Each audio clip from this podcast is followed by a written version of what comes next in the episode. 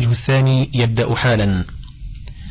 نواصل القراءة فيما تضمنته غزوة تبوك من الفقه. فصل.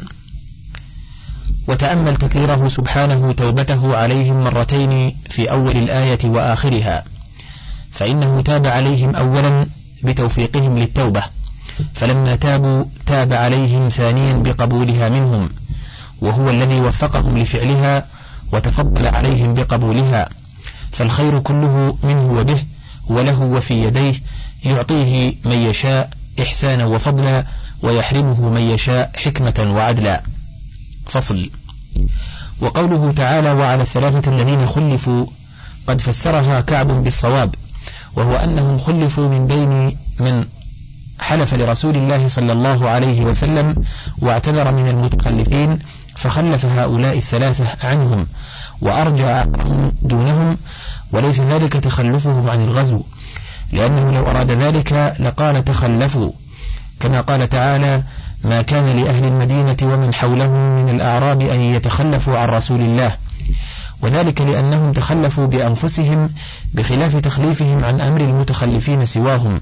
فإن الله سبحانه هو الذي خلفهم عنهم ولم يتخلفوا عنه بأنفسهم والله أعلم.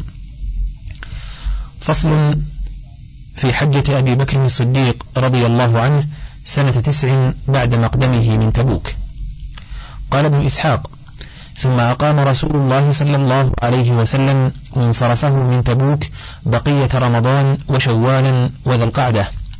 ثم بعث أبا بكر أميرا على الحج سنة تسع ليقيم للمسلمين حجهم والناس من أهل الشرك على منازلهم من حجهم. فخرج أبو بكر والمؤمنون. قال ابن سعد فخرج في ثلاثمائة رجل من المدينة وبعث معه رسول الله صلى الله عليه وسلم بعشرين بدنة قلدها وأشعرها بيده عليها ناجية بن جندب الأسلمي وساق أبو بكر خمس بدنات. قال ابن إسحاق فنزلت براءة في نقض ما بين رسول الله صلى الله عليه وسلم وبين المشركين من العهد الذي كانوا عليه فخرج علي بن أبي طالب رضي الله عنه على ناقة رسول الله صلى الله عليه وسلم العضباء. قال ابن سعد فلما كان بالعرج وابن عائذ يقول بضجنان لحقه علي بن أبي طالب رضي الله عنه على العضباء. فلما رآه أبو بكر قال أمير أو مأمور؟ قال لا بل مأمور. ثم مضيا. وقال ابن سعد فقال له أبو بكر أستعملك رسول الله صلى الله عليه وسلم على الحج؟ قال لا. ولكن بعثني أقرأ براءة على الناس وأنبذ إلى كل ذي عهد عهده. فأقام أبو بكر للناس حجهم حتى إذا كان يوم النحر. قام علي بن أبي طالب فأذن في الناس عند الجمرة بالذي أمره رسول الله صلى الله عليه وسلم ونبذ إلى كل ذي عهد عهده. وقال أيها الناس لا يدخل الجنة كافر ولا يحج بعد العام مشرك ولا يطوف بالبيت عريان ومن كان له عهد عند رسول الله صلى الله عليه وسلم فهو إلى مدته. وقال الحميدي حدثنا سفيان قال حدثني أبو إسحاق الهمداني عن زيد بن يسيع قال سألنا علي سألنا عليا بأي شيء بعثت في الحجة؟ قال بعثت بأربع لا يدخل الجنة إلا نفس مؤمنة ولا يطوف بالبيت عريان ولا يجتمع مسلم وكافر في المسجد الحرام بعد عامه هذا ومن كان بينه وبين النبي صلى الله عليه وسلم عهد فعهده إلى مدته ومن لم يكن له عهد فأجله إلى أربعة أشهر. وفي الصحيحين عن أبي هريرة قال بعثني أبو بكر في تلك الحجة في مؤذنين بعثهم يوم النحر يؤذنون بمنى ألا يحج بعد هذا العام مشرك ولا يطوف بالبيت عريان. ثم أردف النبي صلى الله عليه وسلم أبا بكر بعلي بن أبي طالب رضي الله عنهما فأمره أن يؤذن ببراءة. قال فأذن معنا علي في أهل منى يوم النحر ببراءة وألا يحج بعد العام مشرك ولا يطوف بالبيت عريان. وفي هذه القصة دليل على أن يوم الحج الأكبر يوم النحر واختلف في حجة الصديق هذه هل هي التي أسقطت الفرض أو المسقطة هي حجة الوداع مع النبي صلى الله عليه وسلم على قولين أصحهما الثاني والقولان مبنيان على أصلين. أحدهما هل كان الحج فرض قبل عام حجة الوداع أو لا؟ والثاني هل كانت حجة الصديق رضي الله عنه في ذي الحجة أم وقعت في ذي القعدة من أجل النسيء الذي كان الجاهلية يؤخرون له الأشهر ويقدمونها على قولين والثاني قول مجاهد وغيره. وعلى هذا فلم يؤخر النبي صلى الله عليه وسلم الحج بعد فرضه عاما واحدا. بل بادر إلى الامتثال في العام الذي فرض فيه. وهذا هو اللائق بهديه وحاله صلى الله عليه وسلم وليس بيد من ادعى تقدم فرض الحج سنة ست أو سبع أو ثمان أو تسع دليل واحد. وغاية ما احتج به من قال فرض سنة ست قوله تعالى وأتم الحج والعمرة لله. وهي قد نزلت بالحديبية سنة ست. وهذا ليس فيه ابتداء فرض الحج وإنما فيه الأمر بإتمامه إذا شرع فيه. فأين هذا من وجوب ابتدائه؟ وآية فرض الحج وهي قوله تعالى ولله على الناس حج البيت من استطاع إليه سبيلا نزلت عام الوفود أواخر سنة تسع. فصل في قدوم وفود العرب وغيرهم على النبي صلى الله عليه وسلم. فقدم عليه وفد ثقيف وقد تقدم مع سياق غزوة الطائف. قال موسى بن عقبة وأقام أبو بكر للناس حجهم. وقدم عروة بن مسعود الثقفي على رسول الله صلى الله عليه وسلم فاستأذن رسول الله صلى الله عليه وسلم ليرجع إلى قومه فذكر نحو ما تقدم. وقال فقدم وفدهم وفيهم كنانة بن عبد ياليل وهو رأسهم يومئذ. وفيهم عثمان بن أبي العاص وهو أصغر الوفد. فقال المغيرة بن شعبة يا رسول الله أنزل قومي علي فأكرمهم فإني حديث الجرح فيهم. فقال رسول الله صلى الله عليه وسلم لا أمنعك أن تكرم قومك ولكن أنزلهم حيث يسمعون القرآن. وكان من جرح المغيرة في قومه أنه كان أجيرا لثقيف وأنهم أقبلوا من مضر حتى إذا كانوا ببعض الطريق عدا عليهم وهم نيام فقتلهم. ثم أقبل بأموالهم حتى أتى رسول الله صلى الله عليه وسلم.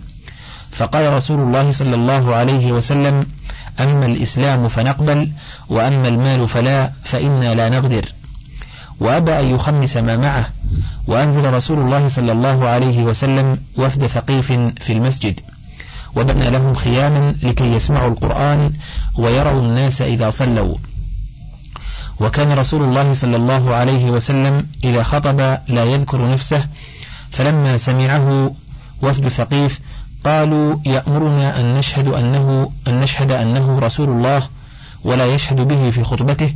فلما بلغه قولهم قال فإني أول من شهد أني رسول الله. وكانوا يغدون إلى رسول الله صلى الله عليه وسلم كل يوم ويخلفون عثمان بن أبي العاص على رحالهم لأنه أصغرهم. فكان عثمان كلما رجع الوفد إليه وقالوا بالهاجرة عمد إلى رسول الله صلى الله عليه وسلم فسأله عن الدين واستقرأه القرآن فاختلف إليه عثمان مرارا حتى فقه في الدين وعلم وكان إذا وجد رسول الله صلى الله عليه وسلم نائما عمد إلى أبي بكر وكان يكتم ذلك من أصحابه فأعجب ذلك رسول الله صلى الله عليه وسلم وأحبه فمكث الوفد يختلفون إلى رسول الله صلى الله عليه وسلم وهو يدعوهم إلى الإسلام فأسلموا.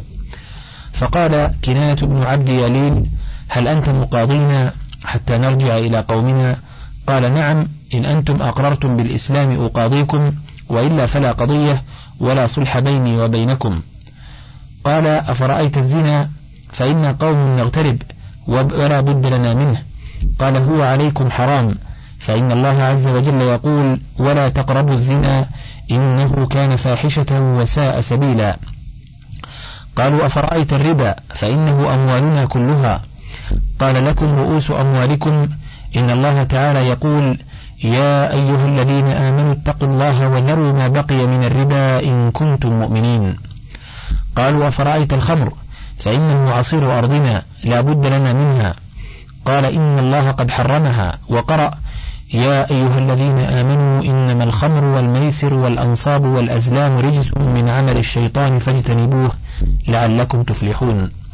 فارتفع القوم فخلا بعضهم ببعض فقالوا ويحكم إن نخاف إن خالفناه يوما كيوم مكة انطلقوا نكاتبه على ما سألناه فأتوا رسول الله صلى الله عليه وسلم فقالوا نعم لك ما سألت أرأيت الربة ماذا نصنع فيها؟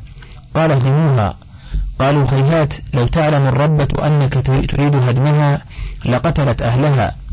فقال عمر بن الخطاب ويحك يا ابن عبد ياليل ما أجهلك؟ إنما الربة حجر. فقالوا إنا لم نأتك يا ابن الخطاب. وقالوا لرسول الله صلى الله عليه وسلم تولى أنت هدمها فأما نحن فإنا لا نهدمها أبدا. قال فسأبعث إليكم من يكفيكم هدمها.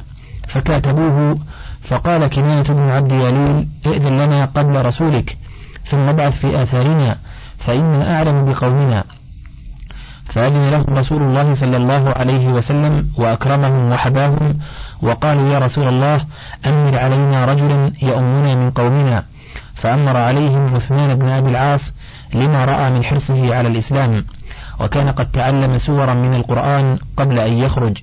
فقال كنانة بن عبد يليل أنا أعلم الناس بثقيف فاكتموهم القضية وخوفوهم بالحرب والقتال وأخبروهم أن محمدا سألنا أمورا أبيناها عليه. سألنا أن نهدم اللات والعزى وأن نحرم الخمر والزنا وأن نبطل أموالنا في الربا. فخرجت ثقيف حين دنا منه الوفد يتلقونهم فلما رأوهم قد ساروا العنق وقطعوا الإبل وتغشوا ثيابهم كهيئة القوم قد حزموا وكربوا ولم يرجعوا بخير فقال بعضهم لبعض ما جاء وفدكم بخير ولا رجعوا به. وترجل الوفد وقصدوا اللات ونزلوا عندها واللات وثن كان بين ظهران الطائف يستر ويهدى له الهدي كما يهدى لبيت الله الحرام. فقال ناس من ثقيف حين نزل الوفد إليها إنهم لا عهد لهم برؤيتها. ثم رجع كل رجل منهم إلى أهله وجاء كل منهم خاصته من ثقيف فسألوهم ماذا جئتم وماذا رجعتم به؟ قالوا أتينا رجلا فظا غليظا يأخذ من أمره ما يشاء قد ظهر بالسيف وداخله العرب ودان له الناس فعرض علينا أمورا شدادا هدم اللات والعزى وترك الأموال في الربا إلا رؤوس أموالكم وحرم الخمر والزنا. فقال الثقيف والله لا نقبل هذا أبدا. فقال الوفد أصلحوا السلاح وتهيأوا للقتال وتعبأوا له ورموا حصنكم فمكثت ثقيف بذلك يومين أو ثلاثة يريدون القتال ثم ألقى الله عز وجل في قلوبهم الرعب وقالوا والله ما لنا به طاقة وقد داخله العرب كلها فارجعوا إليه فأعطوه ما سأل وصالحوه عليه. فلما رأى الوفد أنهم قد رغبوا واختاروا الأمان على الخوف والحرب قال الوفد فإنا قد قاضيناه وأعطيناه ما أحببنا وشرطنا ما أردنا ووجدناه أتقى الناس وأوفاهم وأرحمهم وأصدقهم وقد بورك لنا ولكم في مسيرنا إليه وفيما قاضيناه عليه فاقبلوا عافية الله. فقال الثقيف فلم كتمتمون هذا الحديث وغنمتمون أشد الغم؟ قالوا أردنا أن ينزع الله من قلوبكم إخوة الشيطان فأسلموا مكانكم. فمكثوا أياما ثم قدم عليهم رسل رسول الله صلى الله عليه وسلم قد أمر, أمر عليهم خالد بن الوليد وفيهم المغيرة بن شعبة فلما قدموا عمدوا إلى اللات ليهدموها واستكفت ثقيف كلها الرجال والنساء والصبيان حتى خرج العواتق من الحجال لا ترى عامة ثقيف أنها مهدومة يظنون أنها ممتنعة. فقام المغيرة بن شعبة فأخذ الكرزين وقال لأصحابه والله لأضحكنكم من ثقيف. فضرب بالكرزين ثم سقط يركض. فارتج أهل الطائف بضجة واحدة وقالوا أبعد الله المغيرة. قتلته الربة وفرحوا فرحوا حين رأوه ساقطا. وقالوا من شاء منكم فليقرب وليجتهد على هدمها. فوالله لا تستطاع. فوثب المغيرة بن شعبة فقال قبحكم الله يا معشر ثقيف إنما هي لكاع حجارة ومدر. فاقبلوا العافية واعبدوا الله ثم ضرب الباب فكسره ثم على سورها وعلى الرجال معه فما زالوا يهدمونها حجرا حجرا حتى سووها بالأرض. وجعل صاحب المفتاح يقول ليغلبن الأساس فليخسفن بكم. فلما سمع ذلك المغيرة قال لخالد دعني أحفر أساسها فحفره حتى أخرجوا ترابها وانتزعوا حليها ولباسها فبهتت ثقيف فقالت عجوز منهم أسلمها الرضاع وتركوا المصاع. وأقبل الوفد حتى دخلوا على رسول الله صلى الله عليه وسلم بحليتها وكسوتها فقسمه رسول الله صلى الله عليه وسلم من يومه وحمد الله على نصرة نبيه وإعزاز دينه. وقد تقدم أنه أعطاه لأبي سفيان بن حرب هذا لفظ موسى بن عقبة. وزعم ابن إسحاق أن النبي صلى الله عليه وسلم قدم من تبوك في رمضان وقدم عليه في ذلك الشهر وفد ثقيف.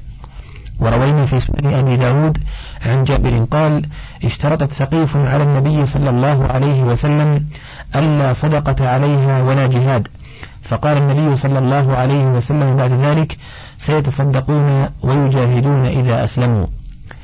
وروينا في سنن أبي داود الطيالسي عن عثمان بن أبي العاص أن النبي صلى الله عليه وسلم أمره أن يجعل مسجد الطائف حيث كانت طاغيتهم. وفي المغازي لمعتمر بن سليمان قال سمعت عبد الله بن عبد الرحمن الطائفي يحدث عن عثمان بن عبد الله عن عمه عمرو بن أوس عن عثمان بن أبي العاص قال استعملني رسول الله صلى الله عليه وسلم وأنا أصغر الستة الذين وفدوا عليه من ثقيف. وذلك أني كنت قرأت سورة البقرة فقلت يا رسول الله إن القرآن يتفلت مني. فوضع يده على صدري وقال يا شيطان اخرج من صدر عثمان فما نسيت شيئا بعده أريد حفظه. وفي صحيح مسلم عن عثمان بن أبي العاص قال قلت يا رسول الله إن الشيطان قد حال بيني وبين صلاتي وقراءتي. قال ذاك, ذاك شيطان يقال له خنزب فإذا أحسسته فتعوذ بالله منه وادفر عن يسارك ثلاثة ففعلت فأذهبه الله عني. فصل.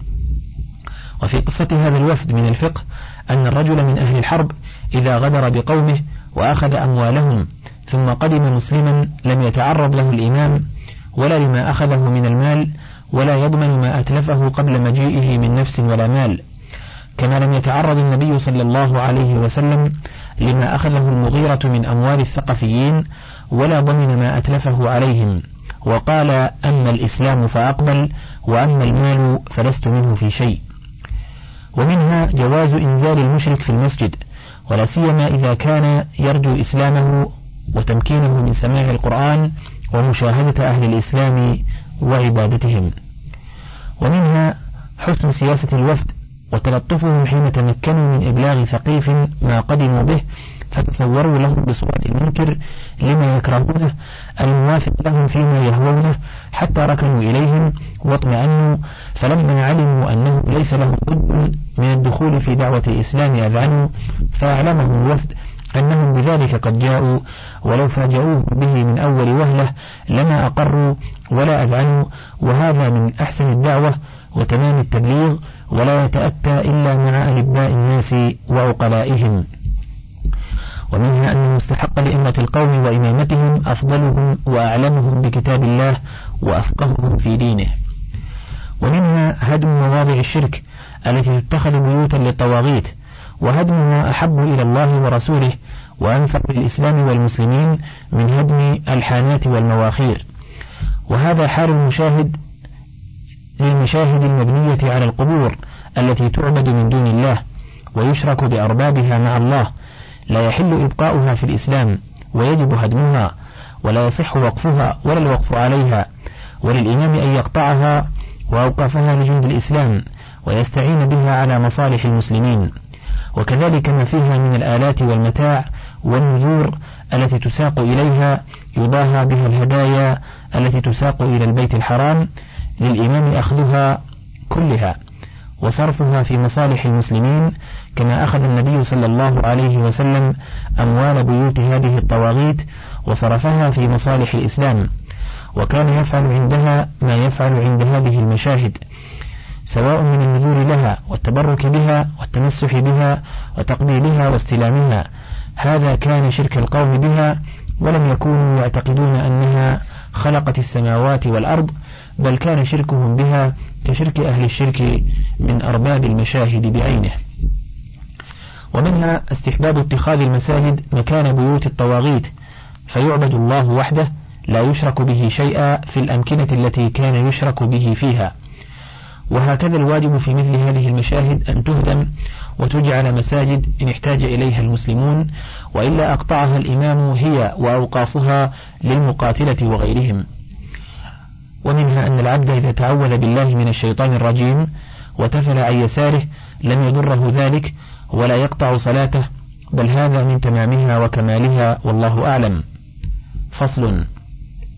قال ابن إسحاق ولما افتتح رسول الله صلى الله عليه وسلم مكة وفرغ من تبوك وأسلمت ثقيف وبايعت ضربت إليه وفود العرب من كل وجه فدخلوا في دين الله أفواجا يضربون إليه من كل وجه. فصل وقد تقدم ذكر وفد بني تميم ووفد طيء ذكر وفد بني عامر ودعاء النبي صلى الله عليه وسلم على عامر بن الطفيل وكفاية الله شره وشر أربد بن قيس بعد أن عصم منهما نبيه. روينا في كتاب الدلائل للبيهقي عن يزيد بن عبد الله أبي العلاء. قال وفد أبي في وفد بني عامر إلى النبي صلى الله عليه وسلم فقالوا أنت سيدنا وذو الطول علينا. فقال مه مه قولوا بقولكم ولا يستجرينكم الشيطان السيد الله.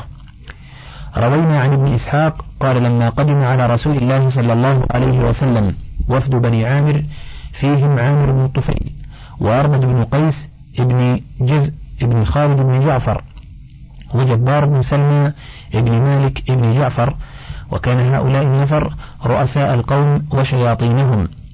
فقدم عدو الله عامر بن الطفيل على رسول الله صلى الله عليه وسلم وهو يريد الغدر به فقال له قومه يا عامر إن الناس قد أسلموا.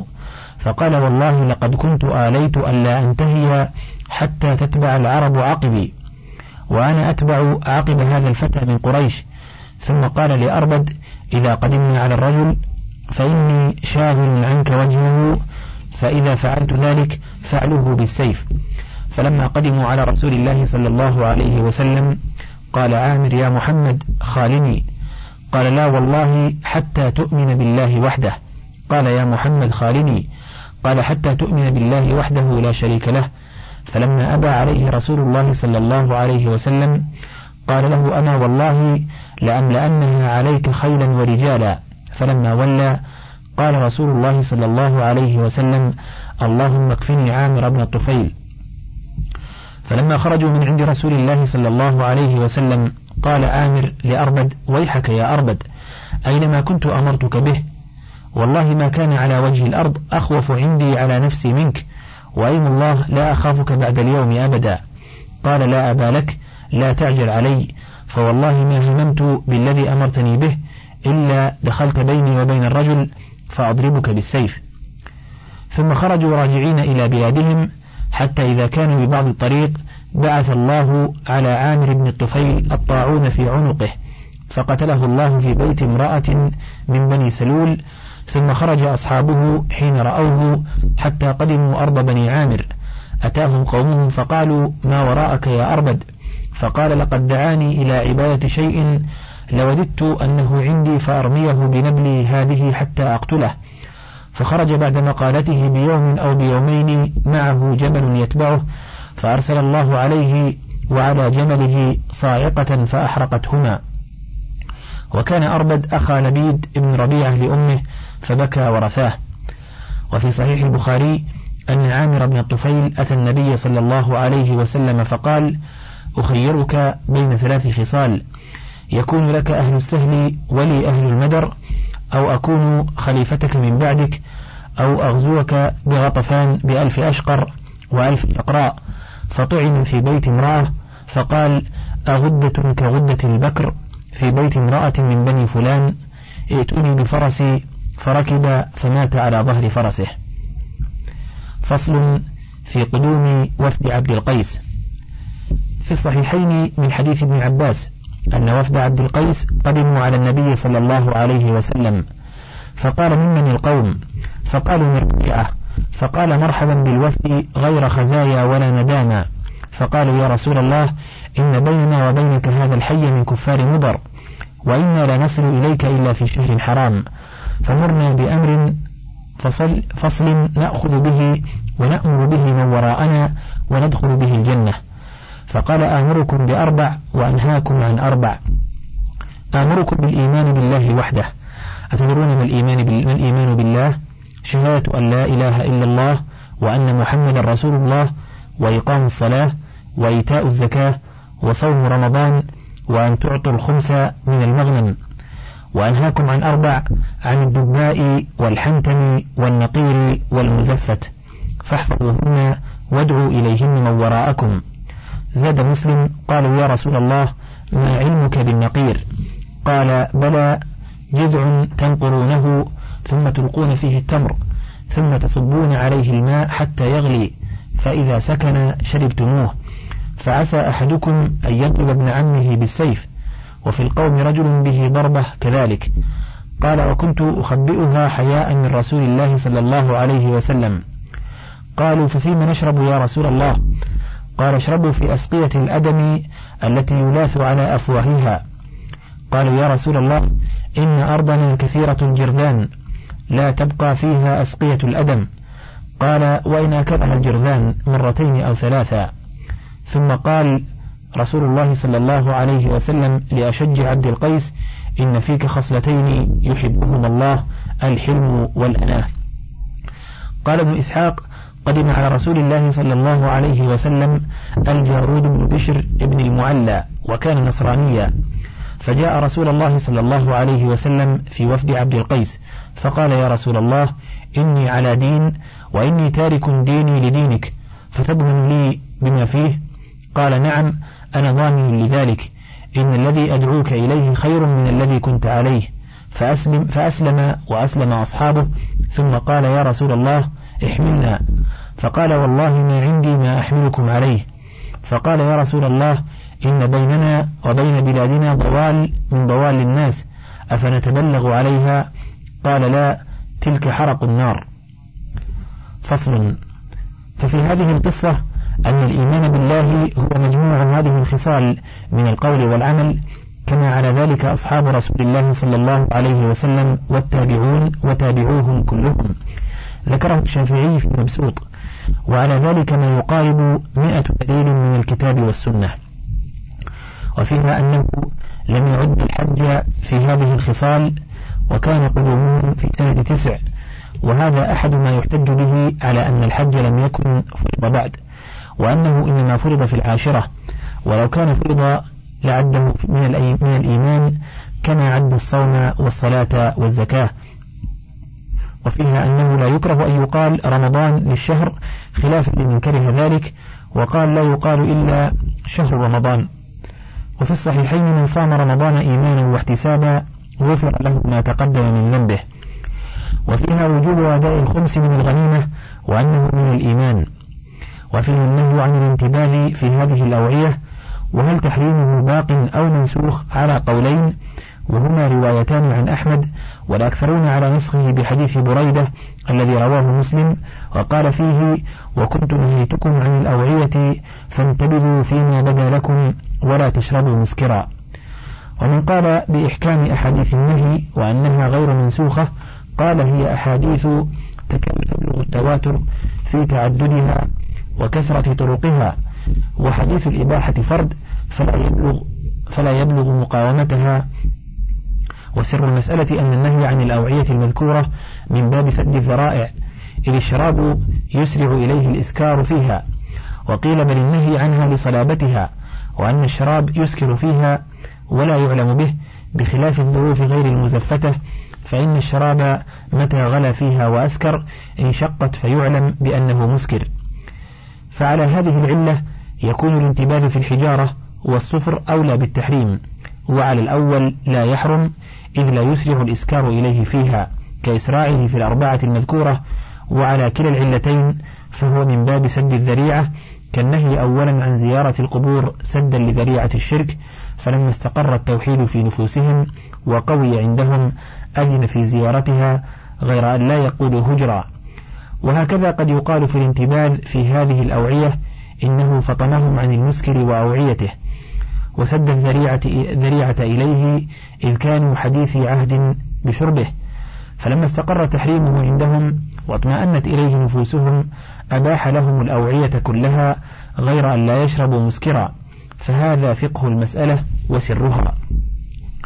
وفيها مدح صفتي الحلم والأناة وأن الله يحبهما وضدهما الطيش والعجلة وهما خلقان مذمومان مفسدان للأخلاق والأعمال. وفيه دليل على أن الله يحب من عبده ما جبله عليه من خصال الخير كالذكاء والشجاعة والحلم. وفيه دليل على أن الخلق قد يحصل بالتخلق والتكلف لقوله في هذا الحديث خلقين تخلقت بهما أو جبلني الله عليهما. فقال بل جبلت عليهما. وفيه دليل على أنه سبحانه خالق أفعال العباد وأخلاقهم كما هو خالق ذواتهم وصفاتهم. فالعبد كله مخلوق ذاته وصفاته وأفعاله. ومن أخرج أفعاله عن خلق الله فقد جعل فيه خالقا مع الله. ولهذا شبه السلف القدرية النفاة بالمجوس وقالوا هم مجوس هذه الأمة صح ذلك عن ابن عباس. وفيه إثبات الجبل للجبر لله تعالى وأنه يجبل عبده على ما يريد كما جبل الأشج على الحلم والأناة وهما فعلان ناشئان عن خلقين في النفس. فهو سبحانه الذي جبل العبد على أخلاقه وأفعاله. ولهذا قال الأوزاعي وغيره من أئمة السلف نقول إن الله جبل العباد على أعمالهم ولا نقول جبرهم عليها. وهذا من كمال علم الأئمة ودقيق نظرهم فإن الجبر أن يحمل العبد على خلاف مراده كجبر البكر الصغيرة على النكاح وجبر الحاكم من عليه الحق على أدائه. والله سبحانه أقدر من أن يجبر عبده بهذا المعنى ولكنه يجبره على أن يفعل ما يشاء الرب بإرادة عبده واختياره ومشيئته فهذا لون والجبر لون.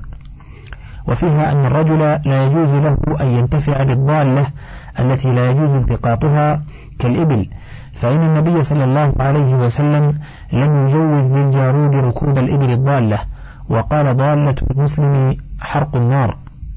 وذلك لأنه إنما أمر بتركها وألا يلتقطها حفظا على ربها حتى يجدها إذا طلبها. فلو جوز له ركوبها والانتفاع بها لأفضى إلى أن لا يقدر عليها ربها وأيضا تطمع فيه النفوس وتتملكها فمنع الشارع من ذلك. فصل في قدوم وفد بني حنيفة. قال ابن إسحاق قدم على رسول الله صلى الله عليه وسلم وفد بني حنيفة. فيهم مسيلمة الكذاب. وكان منزلهم في دار امرأة من الأنصار من بني النجار. فأتوا بمسيلمة إلى رسول الله صلى الله عليه وسلم يستر بالثياب. ورسول الله صلى الله عليه وسلم جالس مع أصحابه في يده عسيب من سعف النخل. فلما انتهى إلى رسول الله صلى الله عليه وسلم وهم يسترونه بالثياب كلمه وسأله. فقال له رسول الله صلى الله عليه وسلم لو سألتني هذا العسيب الذي في يدي ما أعطيتك. قال ابن إسحاق فقال لي شيخ من أهل اليمامة من بني حنيفة إن حديثه كان على غير هذا. زعم أن وفد بني حنيفة أتوا رسول الله صلى الله عليه وسلم وخلفوا مسيلمة في رحالهم. فلما أسلموا ذكروا له مكانه فقالوا يا رسول الله إنا قد خلفنا صاحبا لنا في رحالنا وركابنا يحفظها لنا. فأمر له رسول الله صلى الله عليه وسلم بما أمر به للقوم. وقال أما إنه ليس بشركم مكانا يعني حفظه ضيعة أصحابه وذلك الذي يريد رسول الله صلى الله عليه وسلم.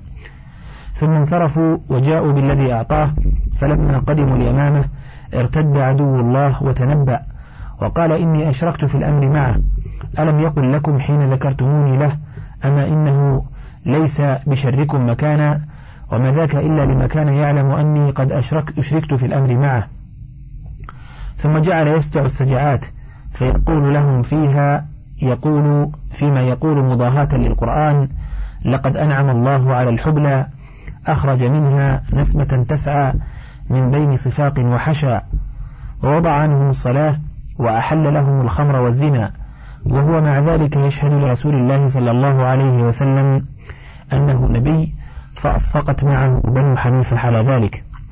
قال ابن إسحاق وقد كان كتب لرسول الله صلى الله عليه وسلم من مسيلمة رسول الله إلى محمد رسول الله. أما بعد فإني أشركت في الأمر معك وإن لنا نصف الأمر ولقريش نصف الأمر وليس قريش قوما يعدلون فقدم عليه رسوله بهذا الكتاب فكتب إليه رسول الله صلى الله عليه وسلم بسم الله الرحمن الرحيم من محمد رسول الله إلى مسيلمة الكذاب سلام على من اتبع الهدى. أما بعد فإن الأرض لله يورثها من يشاء من عباده والعاقبة للمتقين.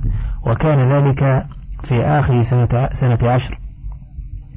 قال ابن إسحاق فحدثني سعد بن طارق عن سلمة بن نعيم بن مسعود عن أبيه. قال سمعت رسول الله صلى الله عليه وسلم حين جاءه رسول مسيلمة الكذاب بكتابه يقول لهما وأنتما تقولان بمثل ما يقول. قال نعم. فقال أنا والله لولا أن الرسل لا تقتل لضربت أعناقكما. وروينا في مسند أبي داود الطيالسي عن أبي وائل عن عبد الله قال جاء ابن نواحة وابن أثال رسولين لمسيلمة الكذاب إلى رسول الله صلى الله عليه وسلم. فقال لهما رسول الله صلى الله عليه وسلم تشهدان أني رسول الله فقال نشهد أن مسيلمة رسول الله. فقال رسول الله صلى الله عليه وسلم آمنت بالله ورسوله ولو كنت قاتلا رسولا لقتلتكما. قال عبد الله فقضت السنة بأن الرسل لا تقتل. وفي صحيح البخاري عن أبي رجاء العطاردي قال لما بعث النبي صلى الله عليه وسلم فسمعنا به لحقنا بمسيلمة الكذاب فلحقنا بالنار. وكنا نعبد الحجر في الجاهلية فإذا وجدنا حجرا هو أحسن منه ألقينا ذلك وأخذناه. فإذا لم نجد حجرا جمعنا جثوة من تراب ثم جئنا بالشاة فحلبناها عليه ثم طفنا به. وكنا إذا دخل رجب قلنا جاء منصل الأسنة. فلا ندع رمحا فيه حديدة ولا سهما فيه حديدة إلا نزعناها وألقيناها.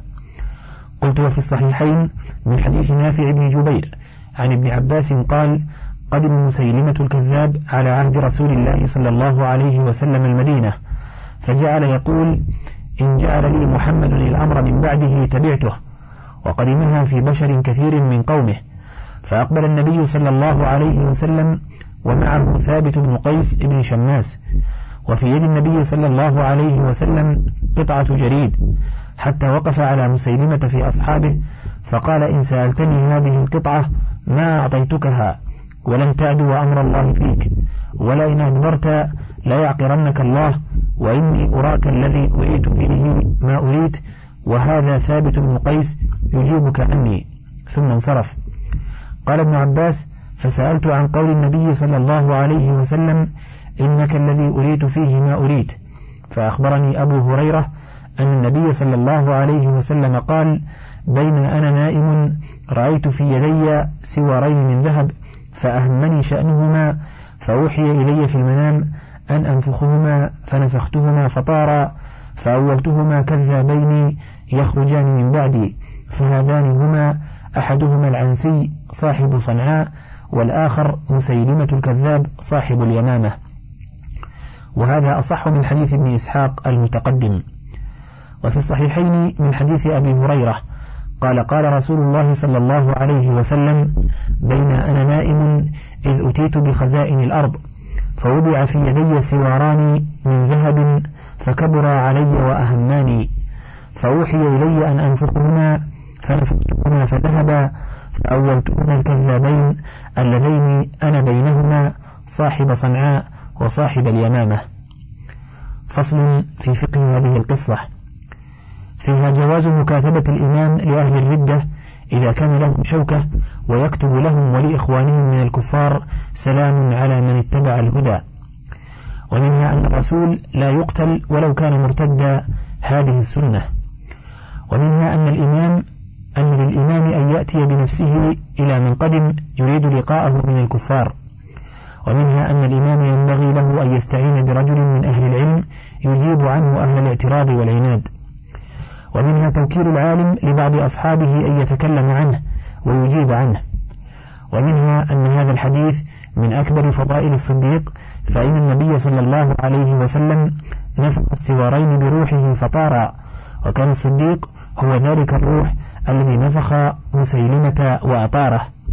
قال الشاعر فقلت له ارفعها إليك فأحيها بروحك واقتته لها قيتة قدرا ومنها هنا دل لباس الحلي للرجل على نكد يلحقه وهم يناله. وأنبأني أبو العباس أحمد بن عبد الرحمن بن عبد المنعم بن نعمة بن سرور المقدسي المعروف بالشهاب العابر. قال قال لي رجل رأيت في رجلي خلخالا فقلت له تتخلخل رجلك بألم وكان كذلك. وقال لي آخر رأيت كأن في أنفي حلقة من ذهب وفيها حب مليح أحمر. فقلت له يقع بك رعاف شديد فجرى كذلك. وقال لي آخر رأيت كأن في أنفي حلقة ذهب وفيها حب مليح أحمر. فقلت له يقع بك رعاف شديد فجرى ذلك. وقال آخر رأيت كلابا معلقا في شفتي. قلت يقع بك ألم يحتاج إلى الفصل في شفتك فجرى كذلك. وقال لي آخر رأيت في يدي سوارا والناس يبصرونه فقلت له سوء يبصره الناس في يدك فعن قليل طلع في يده طلوع. ورأى ذلك آخر لم يكن يبصره الناس فقلت له تتزوج امرأة حسنة وتكون رقيقة. قلت عبر له السوار بالمرأة لما أخفاه وستره عن الناس ووصفها بالحسن لحسن منظر الذهب وبهجته وبالرقة لشكل السوار. والحلية للرجل تنصرف على وجوه فربما دلت على تزويج العزاب لكونها من آلات التزويج وربما دلت على الإماء والسرار وعلى الغناء وعلى البنات وعلى الخدم وعلى الجهاز وذلك بحسب حال الرائي وما يليق به. قال أبو العباس العابر وقال لي رجل رأيت كأن في يدي سوارا منفوخا لا يراه الناس فقلت له عندك امرأة بها مرض الاستسقاء؟ فتأمل كيف عبر له السوار بالمرأة ثم حكم عليه بالمرض لسفرة السوار وأنه مرض الاستسقاء الذي ينتفخ معه البطن. قال وقال لي آخر رأيت في يدي خلخالا وقد أمسكه آخر وأنا ممسك له وأصيح عليه وأقول اترك خلخالي فتركه فقلت له فكان الخلخال في يدك أملس؟ فقال بل كان خشنا تألمت منه مرة بعد مرة وفيه شراريف. فقلت له أمك وخالك شريفان ولست بشريف واسمك عبد القاهر وخالك لسانه نجس رديء يتكلم في عرضك ويأخذ مما في يدك. قال نعم. قلت ثم إنه يقع في يد ظالم متعد ويحتمي بك فتشد منه وتقول خل خالي. فجرى ذلك عن قليل. قلت تأمل أخذه الخال من لفظ الخلخال ثم عاد إلى اللفظ بتمامه حتى أخذ منه خل خالي وأخذ شرفه من شراريف الخلخال ودل على شرف أمه إذ هي شقيقة خاله وحكم عليه بأنه ليس بشريف إذ شرفات الخال الدالة على الشرف اشتقاقا هي في أمر خارج عن ذاته.